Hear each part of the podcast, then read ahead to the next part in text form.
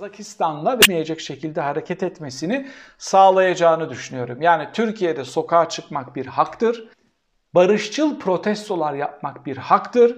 Geçmişte tıpkı Beyazıt Meydanı'nda İbrahim Kalın'ın organize ettiği işte demokratik başörtüsü yürüyüşleri vesaireler olduğu gibi ya da içlerinde olduğu, SETA'yı kurucuları, yöneticilerinin içinde olduğu bu tür nümayişler olduğu gibi gelecekte de Türkiye'de barışçıl, demokratik, düdüğünü çalan, pankartını gösteren, slogan atan ama cam çerçeve indirmeyen, sonra barışçıl bir şekilde dağılan yürüyüşler olacaktır ve bu temel haktır. Ama bunun ötesinde bir şeyin olmayacağını, Erdoğan'ın tuzağına kimsenin düşmeyeceğini ya da Türkiye'deki provokasyon yapma ihtimali olanların tuzağına düşülmeyeceğini düşünüyorum. Yani Türk toplumu bu konuda idmanlı.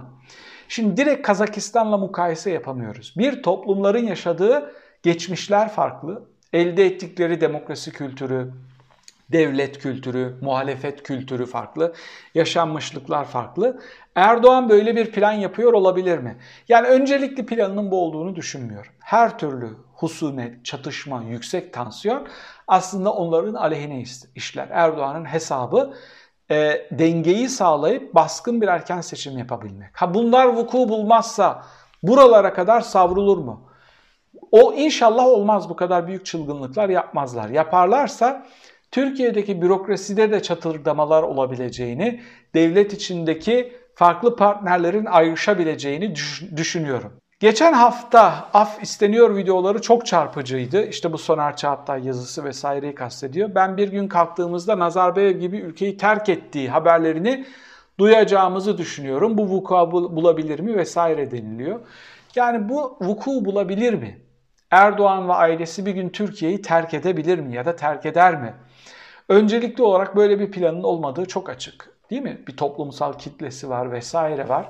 Sadece ben orada şu öngörüde bulunuyorum. Erdoğan'ın veda etme şekli, kullanacağı enstrümanlar Erdoğan sonra nasıl Erdoğan sonrası dönemde nasıl bir rejimle yönetileceğimizi de belirleyecek. Aslında gelecek kaderimiz de yine Erdoğan'ın elinde.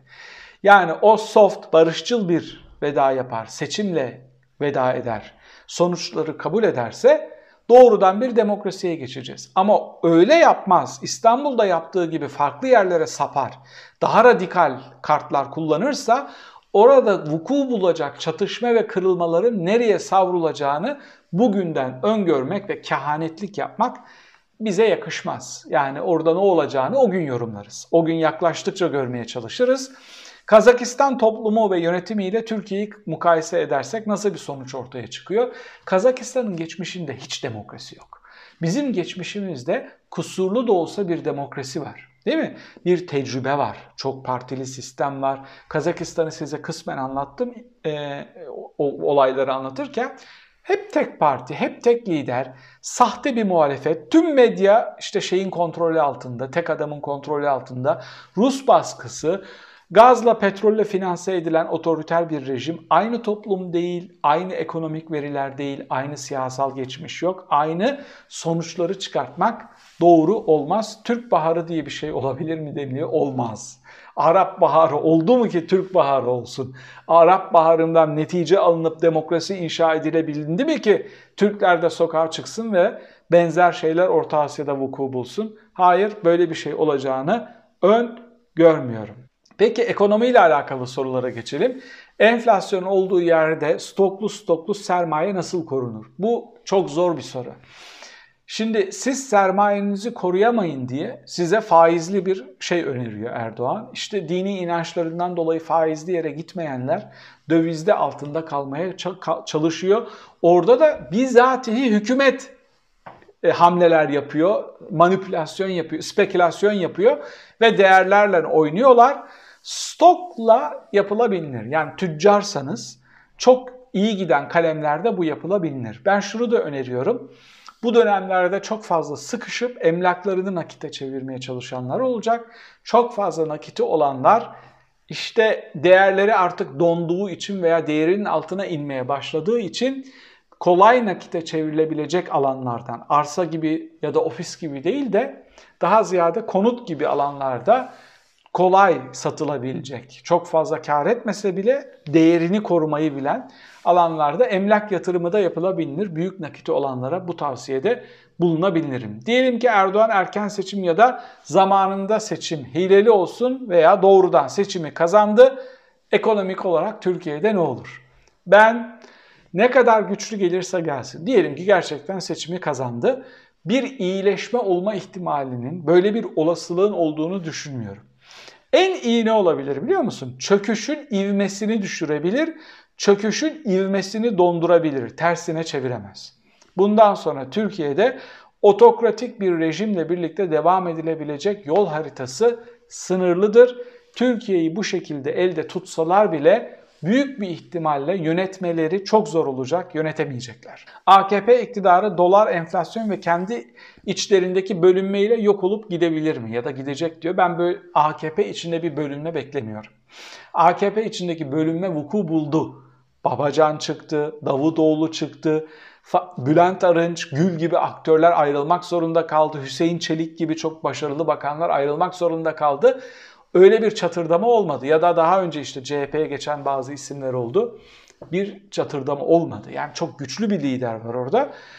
Böyle bir çatırdamanın olabilmesi için Erdoğan'ın gerçekten e, radikal kararlar alması ve kendi partisini de ikiye bölecek hamleler yapması gerekiyor. Ben bir gizli bölünmenin olduğunu düşünüyorum. Kürtlerin büyük kitleler çerçevesinde AKP'den kopma kararı aldıklarını düşünüyorum. Kürtlerin alternatif partilerle birlikte yollarına devam etme ihtimallerinin olduğunu düşünüyorum. Gelecekle alakalı çok fazla soru var. Yani nasıl olacak? Türkiye'nin bir kere şu var, güzel bir soruyla başlayalım. Türkiye'nin devlet olarak tam kurulamadığını düşünüyorum diye bir soru. Bunun da en büyük delili 10 senede bir darbe, e-muhtıra, sivil otokrasi, kendi ekibini getirip onlarla mikro milliyetçilik yapan, onları devleti dağıtıp saçıp diğerlerini radikalleştiren doğru mu? Doğru. Bu tablo doğru. Demek ki bir yerlerde yanlış yapmışız ki sürekli bunlar vuku buluyor. Onun için ben muhalefetin altı partisinin bir araya gelerek kurmaya çalıştıkları sisteme kurucu babalar diyorum. Yani aslında onlar sadece bir sistem değişikliği yapmıyorlar. Yeni bir cumhuriyet. Yani burada Atatürk'e hakaret falan olarak bunu anlamayın şimdi. Yeni bir cumhuriyetten kastım şu. Fransa'da bu vuku buldu işte. Beşinci cumhuriyete kadar ilan ettiler. Burada aslında yeni bir cumhuriyet kuruyoruz. Yani Erdoğan dönemiyle çökertilmiş bir cumhuriyeti devralıp onu demokrasi ve güçlendirilmiş parlamenter sistemle taçlandırıp yeni bir şey inşa etmemiz gerekiyor. Bu sadece parlamenter sisteme geçiş dönemeci değil. Tekrar askeri vesayeti yenmişiz. Erdoğan'ı yenersek sivil vesayeti de yenmiş olarak yeni bir sistem inşa edeceğiz. İlk defa belki de düzlüğe çıkacağız. Yani askeri vesayet bitti. Şimdi şunu savunanlar var. Benim izleyicilerim arasında da bu toplumla sivil şey demokrasi falan olmaz.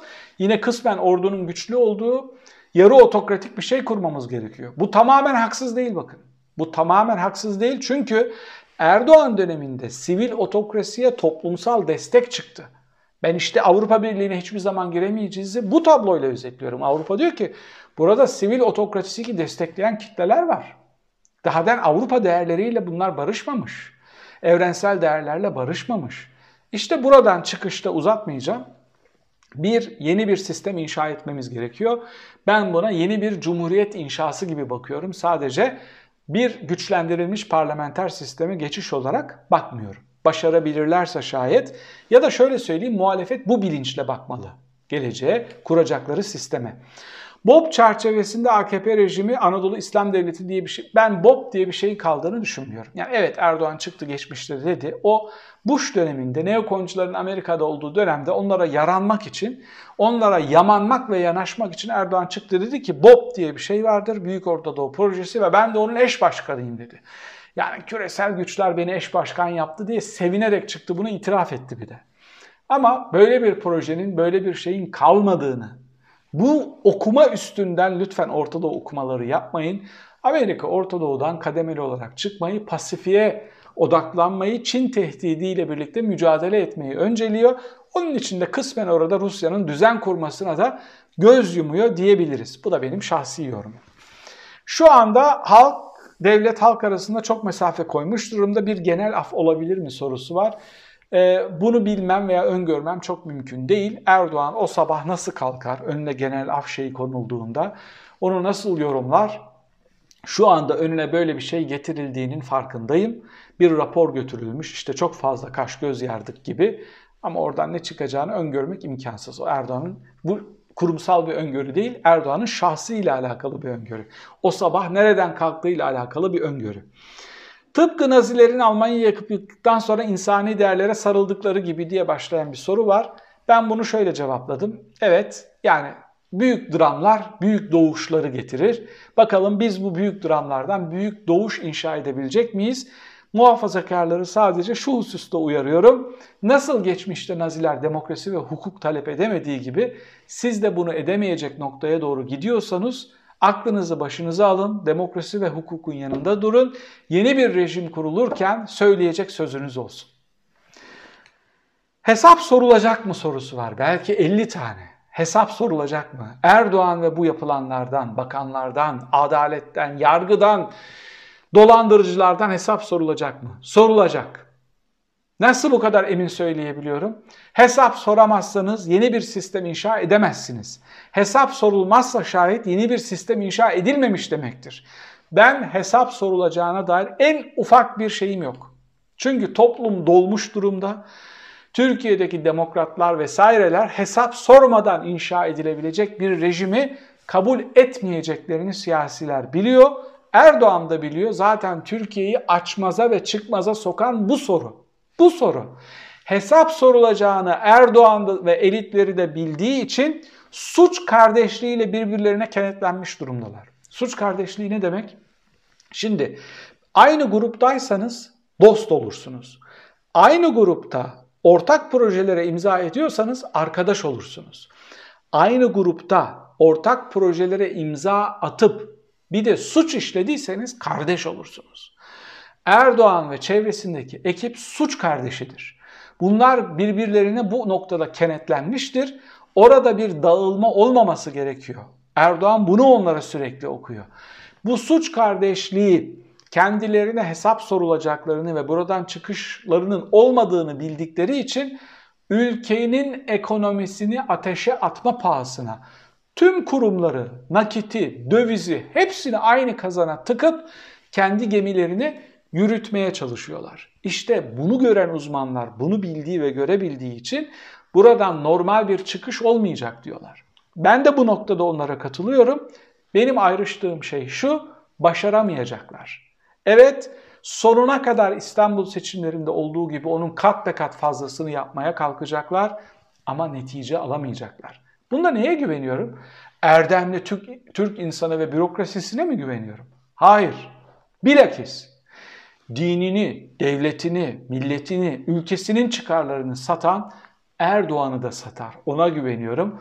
O suç kardeşliği çetesi hariç diğer farklı halkadaki bürokratlar, insanlar bizden buraya kadar diyeceklerini bekliyorum. İşte onun için Kılıçdaroğlu'nun o kitleye bundan sonra hata yapmayın demesini Kılıçdaroğlu'nun kendi tarihi içinde yaptığı en önemli çıkış, en stratejik çıkış olduğunu düşünüyorum. Erdoğan'ı da en çok deli eden, delirtti. Ondan sonra e, agresifleşti, tehdit etmeye başladı o TÜİK kapısına gitmesi vesairesi değil. Erdoğan'ı en delirten çıkış Kılıçdaroğlu'nun bürokratlara bundan sonra hukukun dışına çıkmayın vaadidir. Şöyle deseydi Erdoğan rahatlayacaktı. Siz hukukun dışına çıktınız, hepinizi yakacağım. Bu sizin sorularınızda olduğu gibi. Hayır öyle yapmadı Kılıçdaroğlu. Ben buraya kadar bir çizgi çizdim. Bundan sonrasını affetmeyeceğim dedi. İşte Erdoğan orada delirdi. Tüm hesapları, planları o suç kardeşliğini genişletmek üstüne kuruluydu. Kılıçdaroğlu da o halıyı çekip aldı Erdoğan'ın altından. Ee, Twitter'da şöyle bir şeyler okuyorum diyor bir soruda. Hulusi Akar'ın aday olabileceği. Yani şöyle söyleyeyim Erdoğan adaylığı kolay kolay bırakmaz ama seçilemeyeceğini görür. Bu rüzgarı geri çeviremeyeceğine kesin kanaat getirirse bir aday ortaya koyacaksa bu Hulusi Akar olacaktır. TSK'yı da arkasına alacak. Hem onu ve ailesini koruyabilecek en güçlü adayın Hulusi Akar olduğu yorumunu Kadri Gürsel yazmıştı. Ben de bu yorumun doğru olduğunu düşünüyorum. Kadri Gürsel'in o analizinin iş oraya şayet gelirse bir gün doğru olabileceğini e, ifade etmek isterim. Çok güçlü bir analizdi bence. Finalle alakalı soruları burada durduralım. Tekrara girmemek için KHK'lıların birkaç sorusunu yanıtlayacağım. Bir şu soru var. 15 Temmuz olayı arkasındaki tüm gerçekler bir gün ortaya çıkar mı? Bu tüm gerçeklerden neyi kastettiğinizi çok fazla bilemiyorum. Benim görebildiğim şu, burada çıkabilecek en büyük gerçek şudur. Yanılıyor olabilirim, şahsi yorumum. Bir düdüğü çalan var. Yani Erdoğan ve Hulusi Akar böyle bir girişimin olacağını biliyordu ve kontrollü bir darbeye izin mi verdi? Yoksa onları tuzağa düşürecek bazı hamleler mi yaptılar? Her iki halükarda da bu darbeye bulaşmış insanların tamamen aklanacağı ve paklanacağı fotoğrafı çıkmıyor buradan. Ama kısmen işte tuzağa düşürüldükleri falan ispatlanabilirsek devlet içindeki bazı aktörler tarafından kısmen bazı bir şeyler olabilir. Ama 15 Temmuz hususunda ortaya devasa gerçekler çıkacak ve her şey gün ışığına çıkıp her şey tersine dönecek diye bir beklentim yok. Kısmen bazı nüans yorumları olabilir. Peki ihraçlardan geri dönme olabilir mi? Bunu her şeyde bu soru geliyor. Öngörmek çok kolay değil. Genel öngörüm şu. KHK'lıların bir kısmı geriye dönebilir. Neden bir kısmı diyorum? Şunun için. Kadrolar şişmiş durumda. 1 milyon 300 bin kişi işe almış son 5 senede Erdoğan. Devletin içine yeni gelen iktidar kendi kadrolarından adam almaya çalışacak. Bunun için çok devasa bir temizlik tırnak içinde söylüyorum. Diyelim ki işte Türga Vakfı, Türba Vakfı, bilmem ne vakfı, Bilal'in vakfı, Sümeyye'nin vakfı bu referanslarla haksız bir şekilde gelen çok geniş kitleleri e, işlerini alır. Tekrar bir sınavla, sadece yazılı sınavla adam alacağız derse oradan herkes girebilir tekrar, işini alabilir. Ama böyle bir temizlik yapılmadan sadece parti referansıyla gelen isimlerin tamamını temizlemeden e, böyle bir genel dönüşümü çok fazla beklemiyorum açıkçası. E, son olarak şahsi sorular var. Üzüldüğüm şey sizin gibi değerli bilim insanları kaybetmemiz. Türkiye düzelme yoluna girerse dönmeyi düşünür müsünüz? Bu soru çok fazla soruluyor bana. Bu soruyu yanıtlamam için gerçekten çok erken. Henüz benim Türkiye'ye kafamda öyle bir dönme planıyla yaşamıyorum. Zaten böyle bir dönme planıyla yaşarsanız bugünü yakalayamazsınız. Bugünü değerlendiremezsiniz. Çalışmalarınıza konsantre olamazsınız. Kafamdaki o şarteli tamamen indirip yapacağım işlere odaklanmam gerekiyor. Bir gün Türkiye'ye döner miyim sorusunu ben de kendime soruyorum. Yani insanın cenazesi oluyor, düğünü oluyor. Oradaki yakınlarının yanında olamamak acı verici bir şey. Bunun üstüne geride bıraktığın kürsün, öğrencilerin, projelerin oluyor. Onları hatırlıyorsun. Bu başka acı bir şey. Çok emek verdiğimiz bir projemiz vardı. Tam 5 sene 10 farklı Orta Doğu ülkesinde asistan ve öğrencilerimizle Türkiye ve Türk dış politikasının algısını ölçüyorduk ve çok önemli veriler elde ediyorduk. Dış işleriyle çata çat bunları da tartışıyorduk. Yaptıkları hataları gösterebiliyorduk onlara. Böyle bir şey kalmadı Türkiye'de. Türkiye'ye döner miyim sorusunun bendeki karşılığı şu temelli olarak muhtemelen Türkiye'ye bir daha kolay kolay büyük konuşmayayım ama dönmem. Ha şunu yapar mıyım? Belki şunu yaparım diyorum. Hani bir üniversiteyle anlaşıp kompakt seminerler var. Bir sömestrin dersine sıkıştırılmış. 15 günde veriyorsun. Her gün 5 saat, 6 saat ders anlatıyorsun sömestr sonlarında. Belki o tür programlar gibi bir şey ayarlar. Türk öğrencilerle hasret giderir ya da onlara olan borcumu kısmen ifa etmiş, kendimi de entelektüel olarak biraz rahatlatmış olabilirim. Bu tür şeyler yapabilirim belki. Bunun dışında ısrarla sorulan bir soru daha var. Sizce bu yayınları muhalefet de izliyor mudur? Buradan bazı şeyler çıkartıyor mudur vesaire gibi. Bu kadar büyüyen bir kanalı muhalefetin izlememe şansı yok. Onlar da sizin gibi insan, onlar da bilgi toplayacak yer arıyorlar. Sizin gibi okuyan, yazan, çizen insanların çok fazla günlük analiz alabileceği alternatif yok. Onlar da bu açlık içindeler. Dolayısıyla ben onların bunu izlediğini ve takip ettiğini hem düşünüyorum hem de biliyorum. Kısmen bilgi de var. Ee, benimle kontağa geçiyorlar mı? Benimle kontağa geçmeleri imkansız. Böyle bir temas yok. Ama işte onların içine düştükleri açmazları çıkmazları görerek bazı analizler ve yorumlar yapmaya gayret ediyorum. Bir de şu soru var. Gelecekte muhalefet size böyle bir teklif yapsa, danışmanlık vesaire gibi kabul eder misiniz? Böyle bir beklentim yok. Türkiye'de siyasi bir rol oynamak gibi beklentim yok. Hiçbir zaman siyasete girmek gibi bir hedefim olmadı. Bunu isteseydim inanın genel başkan seviyesinde konuştuğum, ettiğim aktörler vardı. Bir tane de değil birkaç tane. Bunu istesem yapabilirdim. Hiçbir zaman böyle planım olmadı. Gelecekte de muhtemelen olmayacak. Ama ülkede şüphesiz güzel bir demokrasi vesaire kurulabilmesi için danışmanlık dediğin zaten akademisyen yazdığı makaleyle danışmanlık yapar. Yaptığı konuşmayla danışmanlık yapar. Bunu birebir yapmak zorunda değilsiniz. Şu gün şu anda yaptığımız şeyler de zaten buna benzer icraatlar. Bunu yüz yüze yapmak zorunda değilsiniz diye noktalayalım. Fotoğraf. Bu tabii ki Türkiye'de güzel bir demokrasi kurulması için herkes gibi, her akademisyen gibi, her düşünür ve entelektüel gibi biz de elimizden geleni yapmaya çalıştığımız gibi gelecekte de yapmaya çalışacağız. Bu soru cevap kısmını ne yapacağız bilemiyorum. İki tane yarım saatlik video çıktı. Bugün bunları nete koyacağım. Alacakları, görecekleri performansa göre bundan sonra nasıl giderize karar vereceğim. Bir daha böyle iki video yapar mıyım? Ben de bilmiyorum. Bir sonraki videoda görüşmek üzere. Yarın Netflix, pazar sabahı Netflix'in kulüp dizisini yorumlayacağız. İzlemeyenleriniz varsa bir göz atsınlar. Normalde Türk dizisi izlemiyorum. Netflix'te bir Bir Başkadır'ı izledim. Çok etkilendim. Kulüp dizisinden de etkilendim. Ee, bunu tartışacağız. Pazar sabahı Netflix dizisinde, kulüp dizisinde birlikte olmak üzere efendim. Hoşçakalın.